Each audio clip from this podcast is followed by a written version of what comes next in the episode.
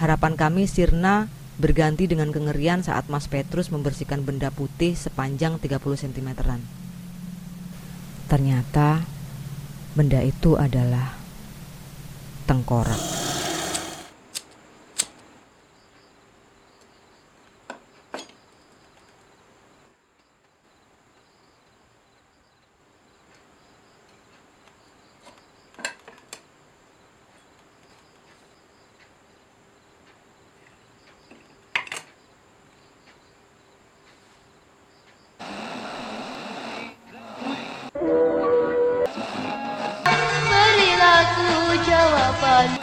Selamat datang di podcast Kopi Hitam. Halo para pendengar podcast Kopi Hitam. Gimana kabar dompet Anda? Masih sehoror rumah kosong? Kalau iya, sama dong. Tapi nggak apa-apa. Selama kuota masih lancar, kita masih tergolong orang yang bahagia kok. Nah, bagi kalian para orang bahagia, khusus buat Anda saja ya yang lain gak usah. Saya akan menceritakan sebuah kisah nyata yang seru supaya hidup Anda makin bahagia, sejahtera, aman, sentosa, sakinah, mawadah, dan warohmah. Cerita ini tentang pengalaman bekerja di tengah hutan yang dialami oleh saudara Yandi yang tinggal di kota Jambi.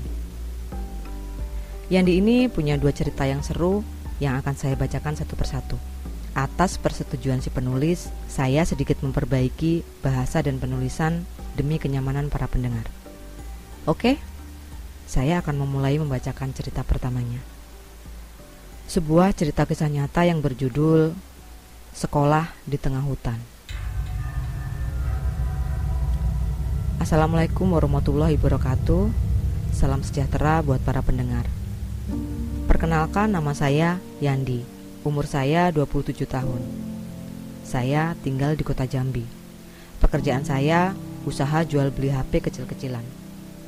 Sebelum saya berani memulai usaha bisnis ini, dulu saya kerja sebagai buruh serabutan. Kerja apa saja, termasuk menjadi kuli angkut di pelabuhan. Tapi pekerjaan yang paling sering saya lakukan adalah menjadi kuli bangunan. Saya lebih menyukai kerja menjadi kuli bangunan ketimbang kerja kasar yang lain, karena kerja kuli bangunan itu kerja tim. Setiap ikut proyek baru, saya mendapatkan teman baru. Hal ini sangat menolong bagi saya yang terbilang sulit bergaul. Awal tahun 2012, saya pernah ikut proyek membangun sekolah di pedalaman Jambi.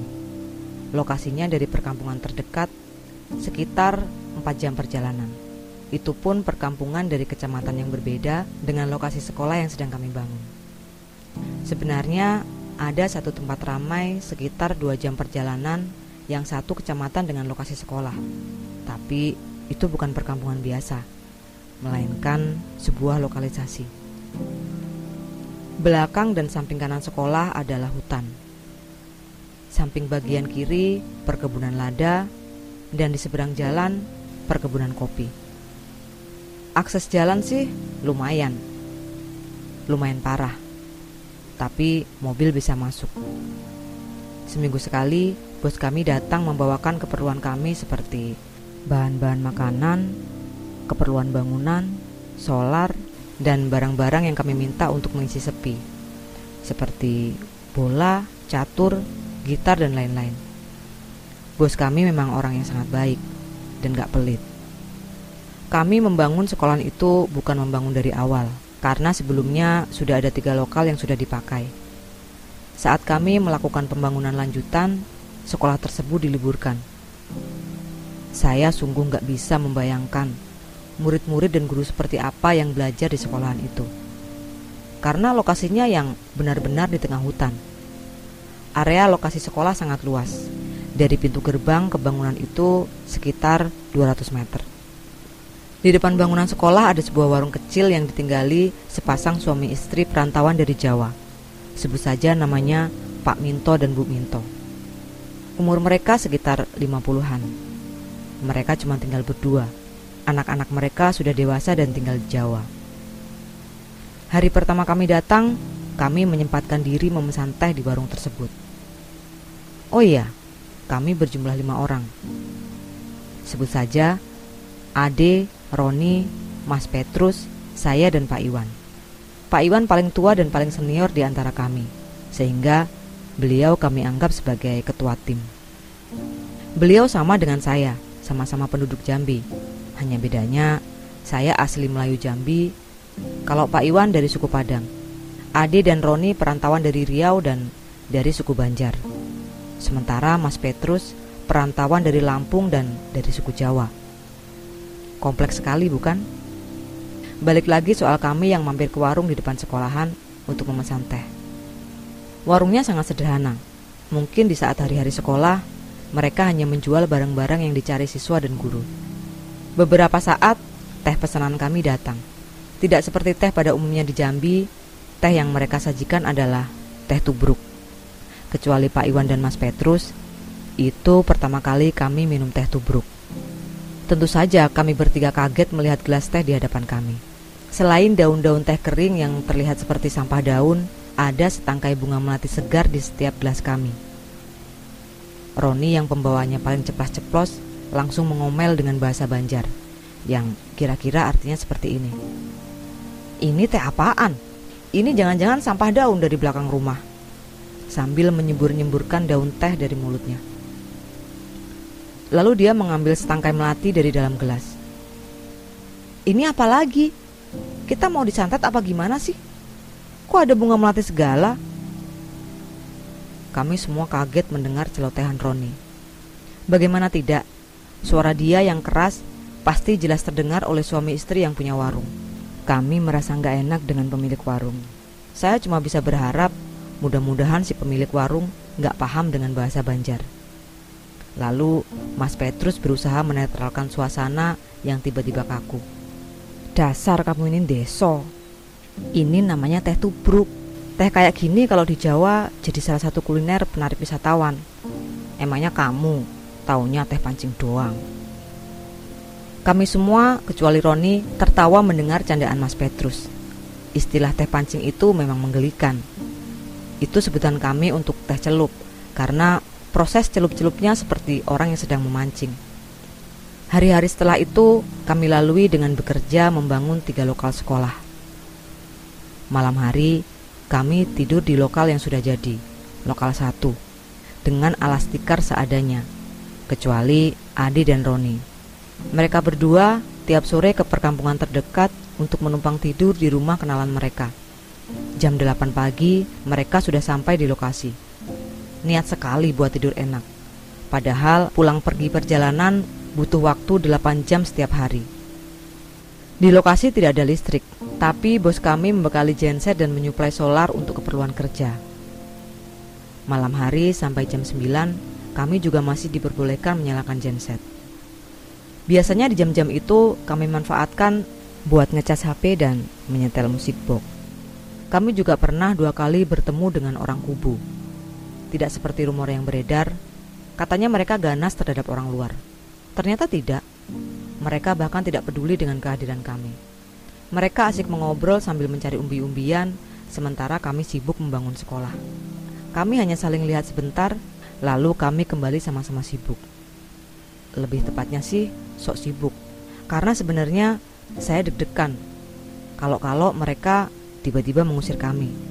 Rumor yang pernah saya dengar mereka tidak suka melihat orang lain di hutan wilayah mereka. Biasanya, mereka akan mengusir orang tersebut dengan segala cara. Suatu malam, waktu saya sedang tiduran terlentang sambil mendengarkan lagu-lagu dari musik box, tiba-tiba saya merasa ada sesuatu yang bergerak merayap di dalam celana kolor saya. Mungkin semut. Awalnya saya pikir seperti itu. Biarin aja lah, mager kalau harus lepas celana terus nyari hewan itu. Tapi makin lama saya rasakan kok kayaknya lebih besar ya dan lebih berat dari semut. Dan kakinya lebih banyak. Saya merasakan kaki-kaki kecil yang merayap naik. Semakin naik, semakin naik sampai hampir di pangkal paha.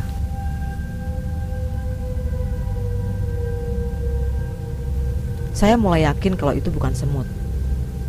Lalu saya segera menyentakkan kaki saya dengan tujuan supaya hewan tersebut terpental dan keluar dari celana saya. Dan beruntungnya Hewan tersebut langsung terlempar ke dinding, lalu jatuh ke lantai. Dan memang bukan semut, tapi kelabang sebesar ibu jari. Saya berteriak karena syok. Seumur hidup belum pernah melihat kelabang sebesar itu. Pak Iwan yang hampir ketiduran langsung meraih gelas dan memakainya untuk menangkap hewan tersebut. Awalnya Pak Iwan bersikeras memelihara kelabang tersebut. Katanya bagus. Ya, emang bagus sih. Warnanya merah terang, lebih merah dari kelabang biasa. Tapi sebagus-bagusnya kelabang, tetap aja hewan berbahaya. Besok paginya, begitu ketahuan Adi dan Roni, kelabang tersebut tamat dibakar mereka berdua. Suatu hari, saat Mas Petrus sedang menggali untuk pondasi lokal yang keempat, cangkulnya terantuk sesuatu.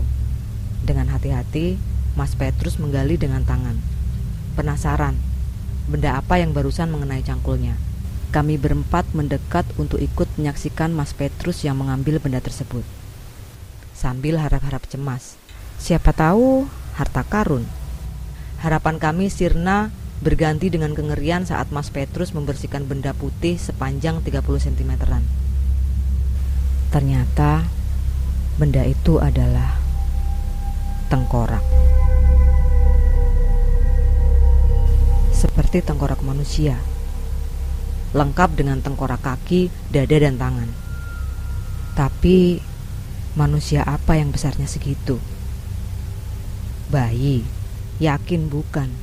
Kalau bayi, seharusnya antara badan dan tengkorak kepala pasti nggak seimbang besarnya. Ini seimbang, seperti manusia dewasa tapi kecil. Akhirnya kami sepakat tengkorak tersebut dibawa Adi dan Roni untuk diserahkan ke warga terdekat. Setelah itu, saya tidak tahu kabar selanjutnya dari tengkorak tersebut. Apakah diteliti atau dikubur? Saya benar-benar nggak tahu. Beberapa kejadian horor juga pernah kami alami. Kalau cuma suara-suara orang tertawa atau anak kecil menangis di tengah malam, itu udah biasa bagi kami.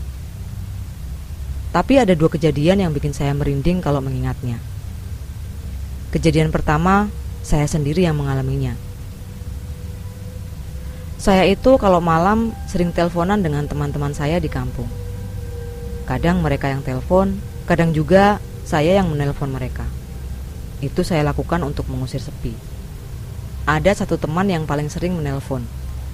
Namanya Sofyan. Dia teman paling akrab. Suatu malam saat kami teleponan, dia bilang, "Kamu bawa cewek ya, Yan?"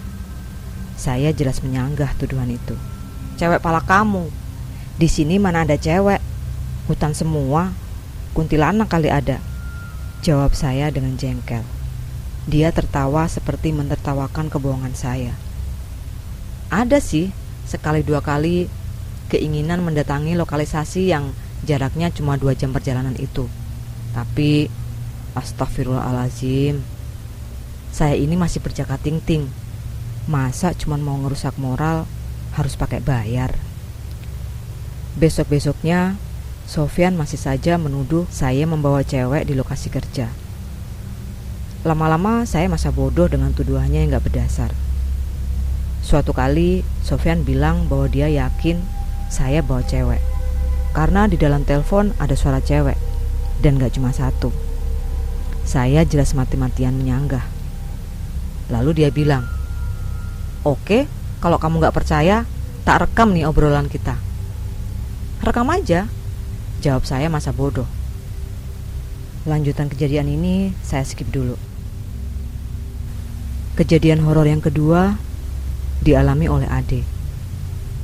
Suatu sore, saat itu kami bertiga sudah beristirahat di lokal satu.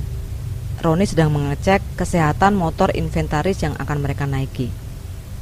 Sementara Adi membereskan alat-alat di lokal 4. Saat sedang beberes itu, ekor mata Ade melihat di lokal 3, lokal lama yang paling dekat dengan lokasi pembangunan lokal baru, ada tiga orang cewek memakai baju putih dan berambut panjang sedang duduk-duduk di jendela yang terbuka. Seperti sedang mengobrol.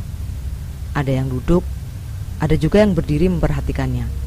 Refleks Ade menoleh. Ade kaget. Dia mengucek-ucek matanya. Menurutnya, pandangannya saat itu seperti kabur, seperti ada kabut tipis yang menyelimuti matanya. Lalu dia mengalihkan pandangannya ke arah lain. Dan herannya, pandangannya kembali jelas. Lalu dia kembali mengalihkan pandangannya ke lokal tiga. Dan pandangannya kembali kabur saat melihat ketiga cewek tersebut. Dia kembali mengucek-ucek matanya, dan dia mulai ketakutan. Seketika, Ade langsung melemparkan semua peralatan yang sedang dia bereskan, termasuk tas yang biasa dia bawa ke mana-mana, ke arah tiga cewek tersebut, lalu lari terbirit-birit ke arah Roni yang sedang mengelap motor. Kami semua heran melihat kelakuan Ade. Nggak usah nanya, ayo jalan, Ucap Ade sebelum Roni bertanya. Besoknya, mereka berdua mangkir dua hari. Tiga hari kemudian, mereka datang dan Ade baru menceritakan kejadian sore itu. Herannya, kami semua tertawa mendengar ceritanya.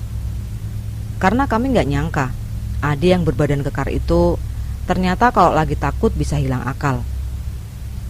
Dua bulan kemudian, pekerjaan kami selesai kami pulang ke kampung masing-masing. Saat bertemu Sofyan, dia memperdengarkan suara rekaman obrolan kami waktu itu. Dan betapa kagetnya saya dalam rekaman tersebut benar ada suara cewek mengobrol, bukan cuma satu, tapi mungkin tiga atau empat. Dan yang bikin merinding adalah suara mereka dekat, dekat sekali seperti cuma di samping kiri kanan telinga saya. Dan anehnya lagi, suara mereka jelas. Tapi kami nggak tahu bahasa apa yang mereka pakai. Saya langsung meminta Sofian untuk menghapus rekaman itu. Tapi dia menolak. Katanya buat kenang-kenangan. Di satu kesempatan, saya diam-diam mengambil HP-nya dan menghapus rekaman tersebut. Trauma saya dengar suara itu. Serem bro. Lalu soal Pak Minto dan Bu Minto, setelah kami akrab dengan pasangan tersebut, baru kami ketahui bahwa memang benar. Mereka mengakui dia memberikan mantra di teh kami. Tapi bukan mantra santet, melainkan doa-doa keselamatan supaya kami betah dan bisa menyelesaikan pembangunan sekolah. Pihak pengurus sekolah menitipkan keselamatan kami kepada Pak Minto. Tentu saja Pak Minto tidak keberatan selagi masih dalam kemampuannya. Karena bagi Pak Minto dan Bu Minto, lancarnya kegiatan belajar mengajar di sekolah itu sama dengan lancarnya rezeki mereka. Segini dulu cerita saya, nanti disambung di bagian dua. Selesai. Nah kan, seru. Jujur sih, kalau bagi saya pribadi, bagian kelabang itu yang paling bikin merinding. Saya memang pernah dengar ada kelabang sebesar ibu jari, tapi itu cerita dari teman yang tinggal di Kalimantan. Ya udahlah, capek rasanya sepanjang cerita tegang mulu. Dan sesuai janji saya, cerita dari saudara Yandi di bagian duanya akan saya bacakan di konten selanjutnya. Yang belum nyalain notifikasi, pencet dulu lah. Nggak capek kok kalau cuma pencet doang, ya kan? Iya dong. Oke, cukup sekian dulu cerita kali ini. Terima kasih sudah mendengarkan sampai selesai dan sampai jumpa.